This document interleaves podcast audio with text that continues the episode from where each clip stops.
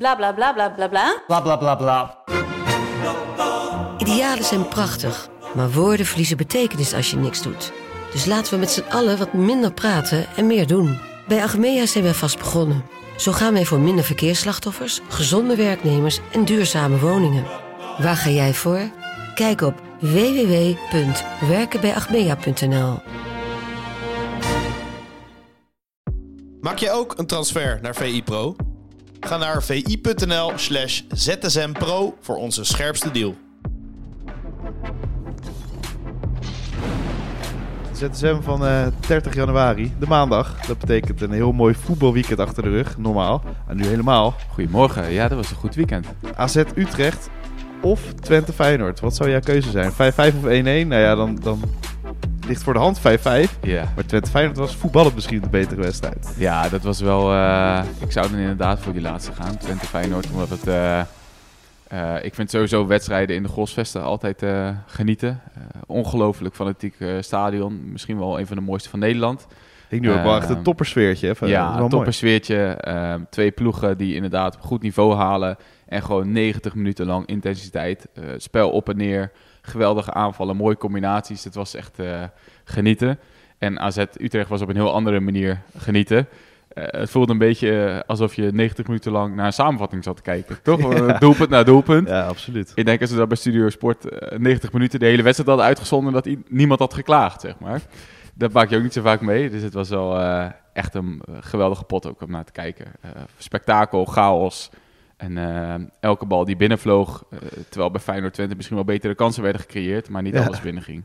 Ja, want die, die 0-2 van Utrecht, toen dacht ik van nou, dat, dat gaat AZ niet meer te boven komen gewoon. Het, het is ook, je gaat van, qua scoreverloop was het ook krankzinnig. Ja, Het was Ja. gewoon om en om. En dan uiteindelijk, ja, denk ik wel bij AZ van... als je een kampioenskandidaat of favoriet zelfs bent... ik weet niet of dat ze zijn, maar in ieder geval dat ze kandidaat zijn... dan Ja. kan dit toch niet gebeuren thuis tegen nee, Utrecht. nee, en ze missen natuurlijk wel wat.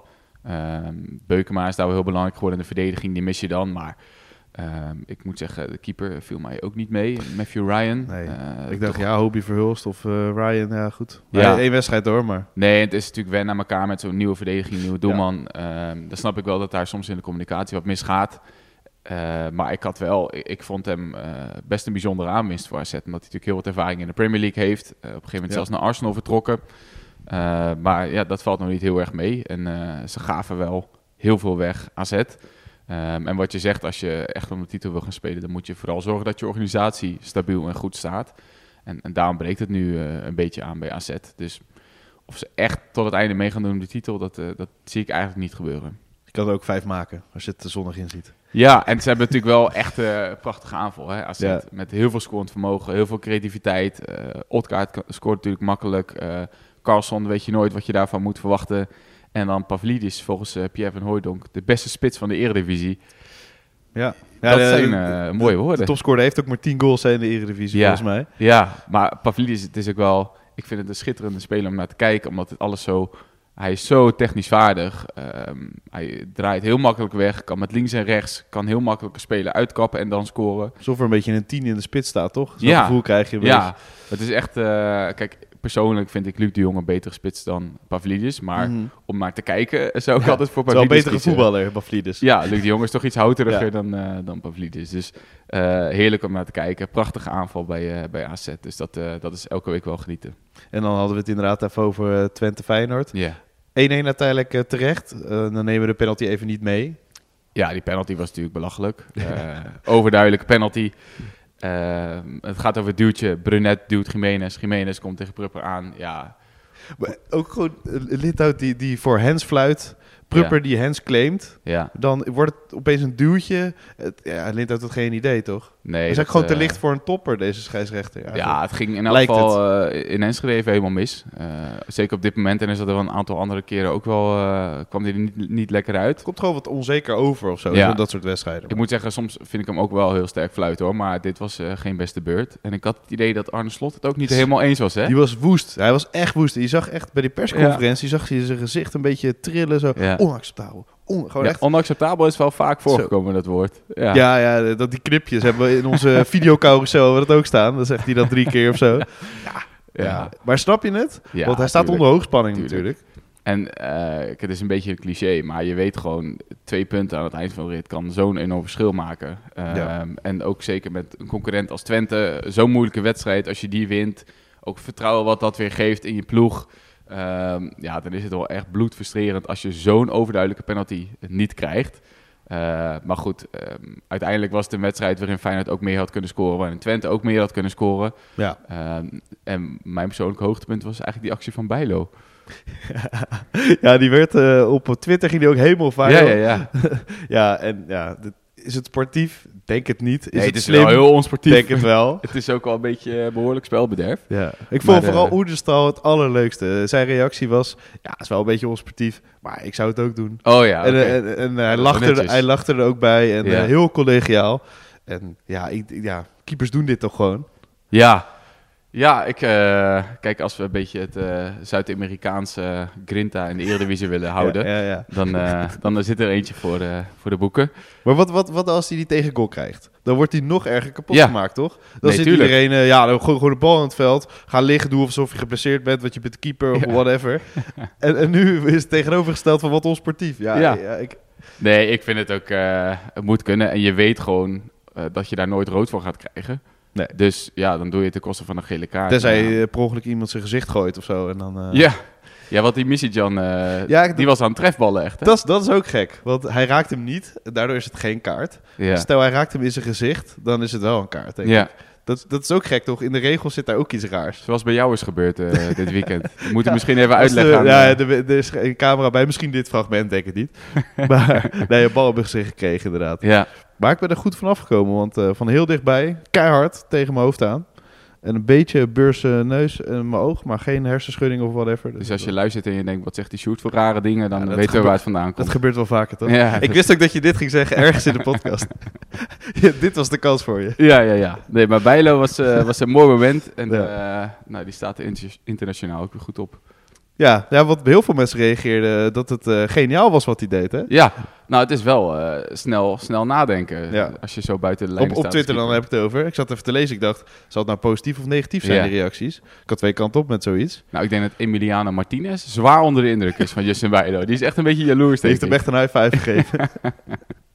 Mooi. Ja. Dan eh, sluiten we deze wedstrijd af. Ehm, oh ja, misschien nog één ding trouwens, want je speelt gelijk. En je staat nu niet heel veel punten voor. Er wordt wel op je gejaagd. Maar neemt het ook niet een beetje druk weg. Want als je deze wint, ben je wel echt huishoog titelfavoriet natuurlijk. Feyenoord, ja. Dat durven ze echt niet te zeggen nog, hè? Nee, daar, daarom een beetje. Ja.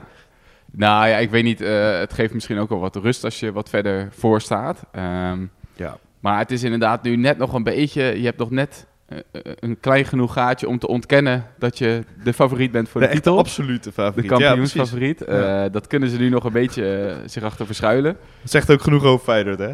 Nou ja, kijk, het is Eigenlijk ook eh, goed. vaak genoeg gebleken als jij zo met de borst vooruit gaat lopen en wij worden 100% zeker kampioen, dan ja, leg je jezelf misschien ook wel heel veel druk op en verwachtingen en is het ook helemaal niet nodig. Ehm, eh, dus ja, ik denk niet dat je dat ook moet doen. Ik vind het ook wel verstandig dat je dat een beetje uit de weg gaat. En ik vond het antwoord van Slot wel mooi op die vraag van Martijn Krabbedam op de persconferentie van, nou, zijn jullie nou eigenlijk echt favoriet voor de titel? En toen kwam er een hele tekst. En uiteindelijk kwam het erop Zou je neer kunnen van, zeggen. Eigenlijk wel, maar ik ga het niet zeggen. Ja. Nou ja, prima toch? Mooi. Ja. PSV kan dat sowieso eh, niet zeggen. Maar eh, zijn ze inmiddels al een beetje aan het eh, terugkrabbelen? Ja, ik denk uiteindelijk even een zegen nodig om een beetje weer wat vertrouwen te winnen. En is het nu even overleven totdat er een nieuwe aanvaller binnen is, waardoor ze wat makkelijker gaan scoren. Ja, ze zijn ongeveer geïnteresseerd in heel de Duitse, Engelse Engel Ja. subtop. Ja, als je een beetje bij een fatsoenlijke club speelt en je hebt nog een eenjarig contract, dan ben je in beeld in Eindhoven. Eh, Met Torgen naast haar misschien. ja, Hazard, Januzaj is volgens mij nu weer eh, eh, afgeketst een beetje. Ja. Eh Hazard zou natuurlijk wel een prachtige aanwinst zijn. Iemand met enorm veel ervaring in de Bundesliga, eh scorend vermogen, ook bewezen, eh, goede aangever.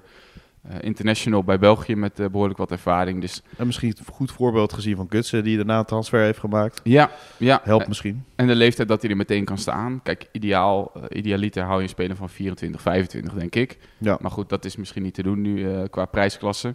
Dus dan vind ik Hazard een, een mooie oplossing. En wat PSV betreft, denk ik, ehm, als je geen nieuwe aanvallers kunt halen, is het wel belangrijk dat je ehm, aan je organisatie werkt. Want dat was het eerste seizoen zelf echt matig, vond ik af en toe. En ze hebben nu wel een aantal wedstrijden op rij eh, de pot achterin in elk geval goed dichtgehouden. En dan kun je uiteindelijk, als je wat aanvallende versterkingen krijgt, daar wel weer aan sleutelen. Eh, maar als die basis wat beter staat, dan heb je ook wat meer garantie op succes. Zeker. Dat gaat ook eh, Johnny Heitinga proberen bij Ajax. Ja, Want eh, ja, het stond in de eerste helft gewoon niet goed nog Nee. bij eh, Ajax. Ik las Nee. zelfs ergens de slechtste restverdediging van heel de wereld, van heel Europa. Ja, ik weet niet ja. bij wie het zei trouwens. Weet je dat nog? Ergens, ergens aan de list zei dat in ieder geval. Maar, Kwakman volgens mij. oh, ja, Kwakman. kwak, ja, ja. maar ja, uiteindelijk win je wel met 1-4. Ja. Maar ja, hoe- hoeveel hoop kan je eruit putten als het gewoon zo slecht verdedigend er soms uitziet tegen Excelsior? Ja, ja, dat was natuurlijk wel een beetje pijnlijk. Zo kwetsbaar. Ja. Ehm, en je kunt ook niet verwachten van een nieuwe trainer eh, dat hij ineens alle Nee, problemen oplost. Want dit is natuurlijk al een langer lopend probleem. Alleen het is wel een mooi voorbeeld van hoe dingen kunnen vertekenen. Want ehm, tegen Volendam creëerde Ajax drie keer zoveel kansen. Ook kwalitatief eh, aantal kansen. Ehm, en dan speel je gelijk. En nu Mm. win je met 4-1 van Excelsior, terwijl je Ja. eigenlijk enorm veel mogelijkheden ook weggeeft. Had ook andersom kunnen zijn. Gewoon Precies. 1-1 bij Excelsior, 4-1 tegen Volendam. Ja, maar goed, los daarvan vond ik de keuze die hij maakte in zijn opstelling wel heel logisch. Ehm Wijndal, eh Kudus, nou, dat kan ik heel goed volgen. Ja. Ehm, en zag je wel bij Vlagen het spel aan de bal dat er iets meer tempo in zat. Alleen, ehm, ja, die restverdediging waar je net over hebt, dat, dat is natuurlijk wel een beetje een probleem. Als je met al je bij je backs zo ver vooruit gaat staan en je haalt Alvarez weg uit je middenveld, ja, dan klopt die organisatie gewoon niet. Ehm, en het is altijd moeilijker voor Ajax omdat ze zo ver op de helft van de tegenstander staan. Dus Ja, je geeft altijd ruimtes weg. Alleen, eh, dit was bij Vlagen wel eh, een beetje pijnlijk hoe erg het open lag. En je ziet wel dat er eh, flink wat werk aan de winkel nog is. En of dat nou door Heitinga moet gebeuren of door iemand anders, dat, eh, dat zullen we zien. Ja, want hij tegen, eh, ja, ik moest een beetje lachen omdat hij, hij liet de ranglijst zien. Ja, En ik, toen dacht ik, ja, dit is gewoon amateurvoetbal ook, hè, gewoon. ja weet dat, je wel, hè? Dat gewoon het blaadje wordt geprint, weet Ja. je, als iemand nog een printer heeft überhaupt. En dan, ja jongens, we staan hier. En dat, dat weet iedereen toch? Het, Ja. is, het is profvoetbal. Maar Ja, hij vertelde het alsof het iets, ja, ik heb dat gedaan. Het is, toch- het is toch een beetje gek. Ik hoefde ze niet voor te bereiden. Ik heb alleen de ranglijst laten zien. en eh, ja, wel een beetje maf. Maar op zich zijn hele boodschap van... eh, wij Ja. moeten weer eh, niet genoegen nemen met een gelijkspel of, of een nipte zegen. Wij Daar zijn was Scheuder toch- wel een beetje mee bezig, hè? Ja, De 1-1, ja, maar ik heb wel een goed kwartier gezien. Ik heb, en ik snap ook wel, want hij wilde ook aan dingen vasthouden en het vertrouwen vasthouden. Alleen, ehm, ik denk wel, als een frisse iemand komt en, en je wil wat losmaken, dat in elk geval die mentaliteit wel een beetje moet veranderen. Het Nou, echt Ajax ziet natuurlijk. Dat vond ik sterk. En Dat inderdaad, is, eh, hij spreekt uit zijn hart, weet je wel. Dat, dat is best mooi. ja, ja. En hij zei ook wel rake dingen, vond ik. Ja. En eh, ik vond het leukste eigenlijk zijn reactie na de 1-0 van Tadic. Die penalty die hij binnenschiet. Dat hij echt zo met zijn gebalde vuist... Hij zei volgens mij ook echt, yes!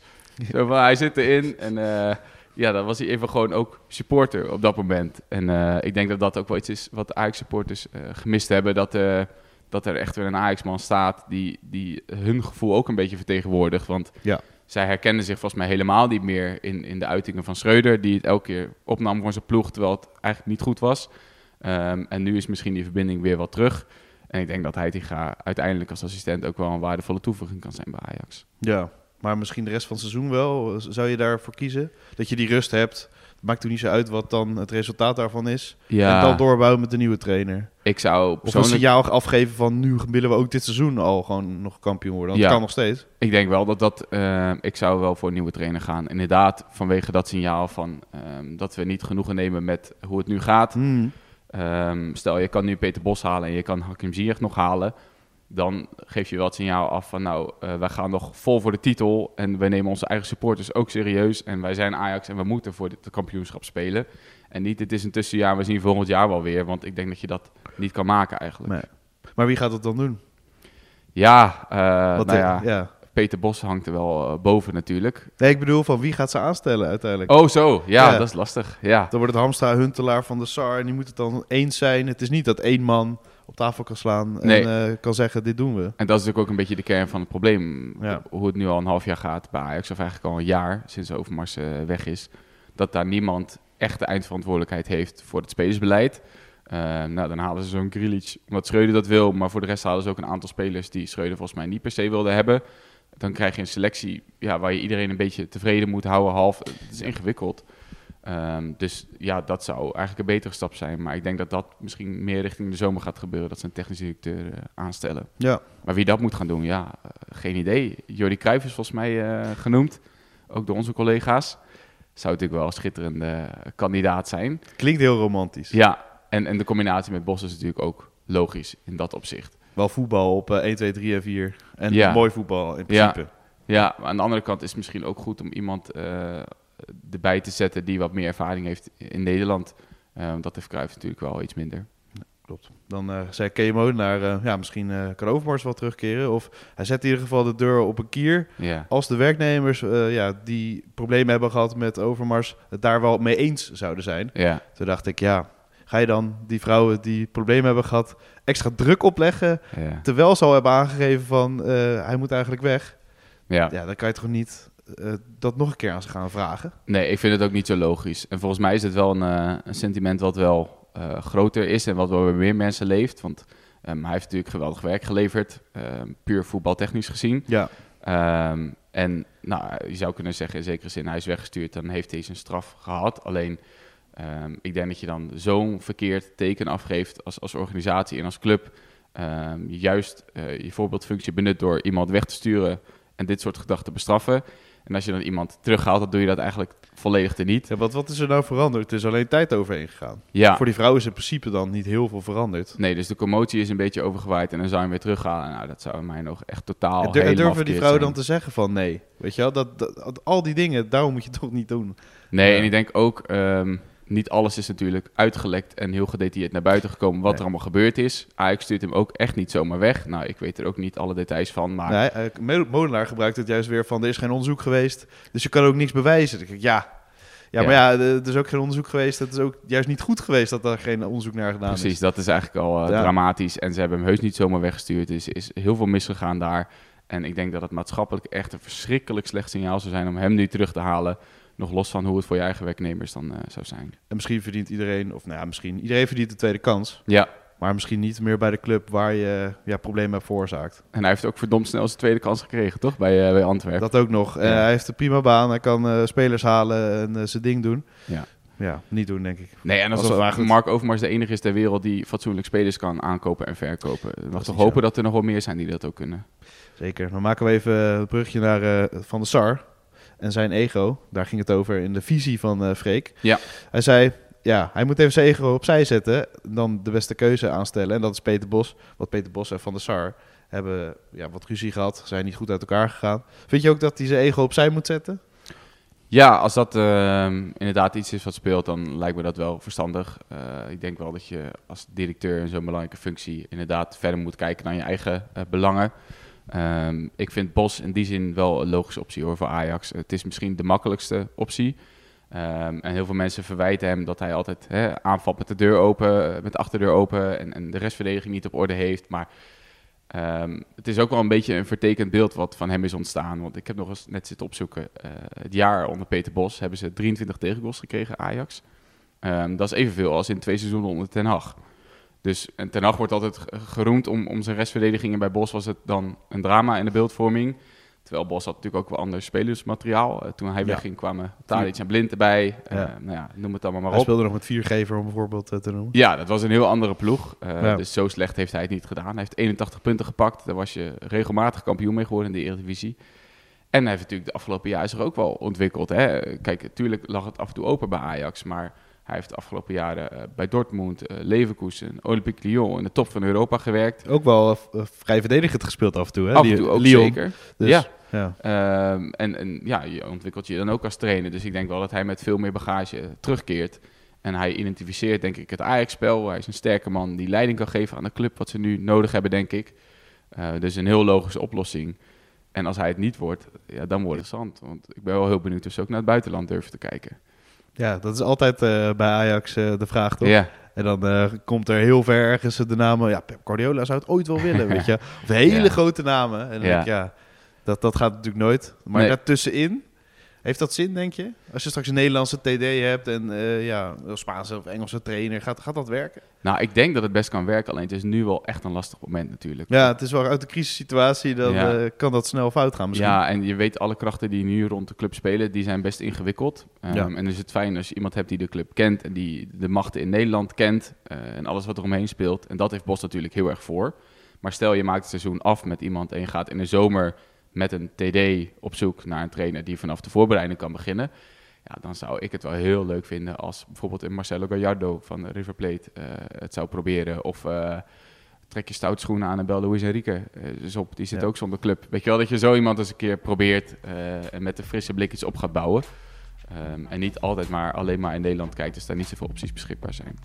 Uitstekend. We zijn helemaal eh, rond. En eh, we gaan ook eh, wat rondjes opnemen. Ja, Rondje buitenland. ja. Rondje Eredivisie.